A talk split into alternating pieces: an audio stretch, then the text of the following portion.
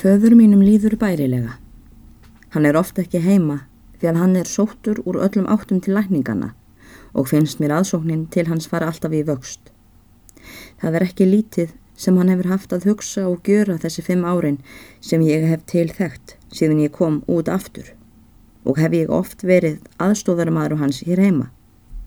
Hann er ekki hraustur að helsu og ekki vist að hans megi njóta lengi við. Hann er og sífælt fremur þunglindur og batnar ekki með aldrinum. Guð veit hver lengi hann þólir það sem hann nú leggur á sig og sínist mér hann ekki hlýfa sér svo sem þyrti. En umhyggju búsins hef ég nú létt af honum síðan í fyrra. Við höfum tekið við öllu svo að hann þarf ekki að hugsa um annað en lækningarnar og er það þó nokkur bót í máli, svo helsu linur sem hann er.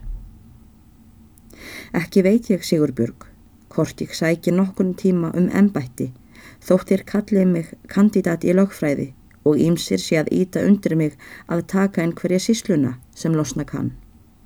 Ég mann líka að þú varst að ymbra á því við mig í fyrra, en ég ímynda mér ekki að mér líði betur með því móti en mér líður nú, því að það er svo vel að eigi verður á bætt. Hinnu fylgir mér ábyrð áhyggjur og vandi og engum ófrelsi nóg og þykir mér þessi mín sjálfræð og staða of dýrmætt þótt lág sé til að hafna henni fyrir upphefð og þrældóm. Ég sé að ég mun einnig geta látið gott að mér leiða í þessari stödu en virðingagjart þykist ég ekki vera. Svo er ég nú búin að taka treyð við fellið og vill ekki yfirgefa eign forfæðra minna til að byggja hana þessum og þessum. Sama segir Anna. Hún kann svo vel við sig að hún hvaðst nauðug myndi fara hérðan. Hér er líka óneitanlega mjög fagurt og mesta blessun og farsælt fylgir í jörðinni og fjörðurinn mesta gullkista. Og ég inni til þess aftur, þótt mér kæmi einhver tíma til hugar að sækja um ennbætti, þá gjöru ég það að minnstu kosti ekki á meðan fadur minn lifir. Hann myndi ekki fást til að fara hérðan, en ekki fer ég að láta hann hér einan eftir hérðanaf svo tæft sem heilsa hann stendur. Það væri til að baka honum erfiðaðir stöðu og þar með ofþingja kröftum hans. Líkast tilverður tengdamóður mín að þú frettir það ekki bráð að ég verði ennbættismadur nema ef svo færi að strandarsísla losnaði því þá veit ég ekki hvað ég kynni að gjöra. Oft hugsa ég til æsku ára minna Sigurbjörgu mín og til hennar ímislegu reynslu er þá varð á vegi mínum. Því sannlega hefur æfi mín verið einkennileg. Nú er ímislegt orðið ljóst fyrir mér er var mér ráðgáta í þá daga og hefur fadri minn frætt mig á því. Oft hugsa ég til hofsjónana og var það ekki merkilegt að ég sem þó var á heimilinu tímum saman skildi ekki vita það fyrir en hún var dáin að þau síra þorgrymur voru svo náskild að frændsemi. Til þess að lengja nú bref þetta dálítið ætla ég að skrifa þér í stuttu máli, það sem mér er kunnugt um forfeyður mína hinn að næstu og aðtapnir þeirra hér í felsfyrði. Vona ég að þú hafið gaman af að heyra það. Reyndar er þér nú sumt kunnugt af skjali því er móður mín sáluga let eftir sig og við lásum fyrir tíu árum, þar sem hún byrti mér leindarmál sitt. En bæði var það að þar sæði móðurinn mín í rauninni söguna af sér en ekki öðrum, en það voru hlutirnir skoðaðir þar fremur frá sjónarmiði afleiðinganna en hins vegar að rakið væri til upptakana. En það var og ekki við því að búast af henni því hann skorti kunnuleika til margs sem ég er nú kunnugt. Mun ég nú skýra þér frá nokkur um aðalatriðum. Runolfur og skúli steingrimsinnir voru albræður tveir er töldu sig komna frá Jóni biskupi Arasinni á hólum. Þeir byggu hér á fellunum. Runolfur afiminn á eitrafelli en skúli á innrafelli.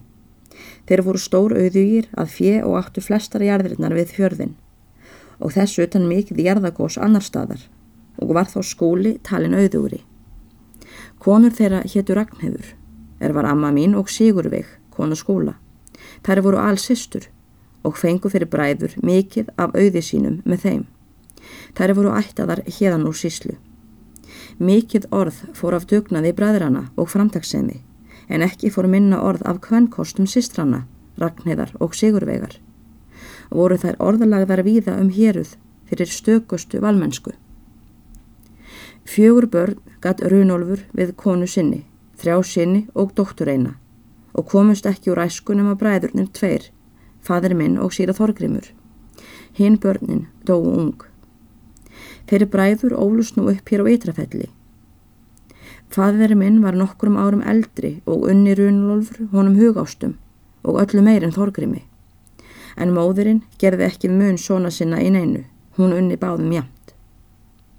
Nú er það að segja frá þeim hjónum á innrafelli. Þeim varð þryggja barna auðið og dói tvö hinn eldri á fyrsta aldursári, en yngsta barnið komst upp. Það var dóttir og hétt Yngibjörg. Þau unnu Yngibjörgu mikill. Nú vildi bræðrónum það til, þá er börn þessi voru vel að fót komin, að þeir mistu konur sínar, svo að eitt ár varð á milli og dó Sigurveig árinu fyrr. Þær sýstur urðu hverju manni harmdauða, en bræðurnir byggu eftir sem áður búum sínum. Runolfur sendi sónu sína í skólan, Steingrim fyrst og Þorgrim fám árum síðar og gerði hann það eftir tilmælum og kvötum konu sinnar, með því og að sveinarnir voru hinnir efnilegustu til bóknáms. Mjög þótti mönnum skipta um á fellónum eftir það eru bræðurnir urðu ekkjumenn. Rausnin mingaði heima fyrir, örlætið þvar og snauðu mönnum þótti fókið í flest skjól er heimilinn brugðust að felli. Þeir hættu að venja komur sína þangað. Margur grét nær og fjær, sá er myndist hinn að gufu og sistra. Margur saknaði skildur sem vandalaus og mörgum þótti skarð fyrir skildi þar á heimilunum. Menn töluðu um að bræðurnir gerðust æfastari á fjesinu og var öllu til skila haldið að Raunolfur tímdi að láta sónu sína halda skólanáminu áfram eftir það er Ragnheður var önduð. Það vildi til að fadri minn var þó langt á leið komin með námsitt en Þorgrímur byrjaður og netti þá Raunolfur ekki að láta hann hætta við en það var hann lattur til þess af sóknarpresti sínum. Nú er þess að geta að Ingeborg skóladóttir vex upp og gjörist hinn fríðasta mær. Áruð sem hún var fullar af 16 vetra að aldri, móður hennar var þá dáin fyrir þrem árum, bar svo til að þeirri bræður tóku sýstur sína í gustuka skinni. Hún var ekki roskin og hétt Þorgerður. Hún hafði gifst illa en eignast þó nokkur börn og mist öll. Var hún á orðin félös og þvína er örfasa. Þorgerður var nú til skiptis hjá bræðrum sínum og þótti hún þeim engin skapbætir. Hún var hlutsum en hvorki vitur niður góðgjörn og lagði sjaldan gott til þeirra mála er hún let til sín taka. Hún var stórlind og keppin. Fadurinn minn var nú útskrifaður úr skálholtskóla, árið sama sem Þorgerður kom að felli. Hafði hann þá þrjá um tvítugt og reðsan þegar í þjónustu biskups sem skrifari hans en hjá biskupi var hann á þriðja ár. Ávalt unni Runolfur honum meir en Þorgrimi, því að honum fannst hann bera meiri keim af sinni ætt, en Þorgrimur líktist aftur meira í móðurættina. En sem fadur minn hefur dvalið eitt ár hjá biskupi, en Ingeburg á einarafelli er langt komin á 17. árið, ber það til tíðinda að þeirri bræður, feður þeirra, taka að bera saman ráð sín um að láta þau eigast Steingrim föðurminn og Ingiburgu og er þetta fyrst ekki á fleiri manna vitorði. Þessi ráðahágur þykir að öllu hinn kjörlegasti fyrir bæði. Þau hvort öðru full kosta og auk þessa þykir unnið með því tvent. Það fyrst að ættin mengi sig ekki á því að blandast við aðrar ættir er að líkendum yfir minniháttar og annað hitt ekki síður að fellsauðurinn færi ekki ómaglegar hendur niður tvistraðist að óþörfu. Þegar þetta er fullur áðið með bræðrónum heitir Runolfur að fylgja málunu fram við svonsinn en skúli tekst á hendur að bera það upp við Yngibjörgu. Í þessu skyni reytar Runolfur föður mínum bref og bóðar hann vestur á sinn fund. Það var annað sömarið sem hann var hjá biskupi. Fadri minn kemur vestur og dvelur hér ekki lengi. Runolfur ber upp málefnið og ræður honum fyrst en leggur að honum síðan að hann skuli nú festa ráð sitt, sækja um brauð og byggja sér konu og heldur mjög fram við hann yngjubjörgu á einrafelli. segir að mjög sé jæmt á komið með þeim og kosturinn hinn áleitlegasti, konan gerfileg og auðafi nóg og hver hann um það mörgum fógurum orðum, en fadri minn setur þvert nei fyrir. Þá tókað síga brúnin á runolfi og þyknaði í honum smám saman, en hvort er hann að rætti fleira eða farra þar um, þá stóð fadri minn við sitt orð, let ekki þokast og reið burt aftur í styttingi að þriðja degi. Nú kom skúli til fundar við Runolf og var drúur yfir að eigi myndu ráðin á sér standa eða sínum.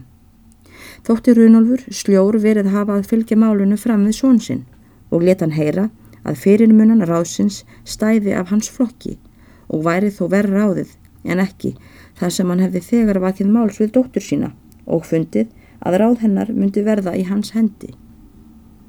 Þetta þótti Runolfi ógott að heyra þólir ekki storkunareyðin og tekur til að reyta föður mínum bref á bref ofan til að vinna hann á sitt mál. Fadur minn svarar brefum hans, ávalt hóvarlega en ávalt einarðarlega og gefur sömu svör og fyrr.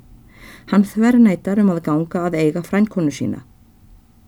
Ég hef séð og lesið þrjú af þessum brefum til afamins því fadur minn geymir þau enn og sína þau hvert kappsmál honum var orðið að koma þessu til leiðar.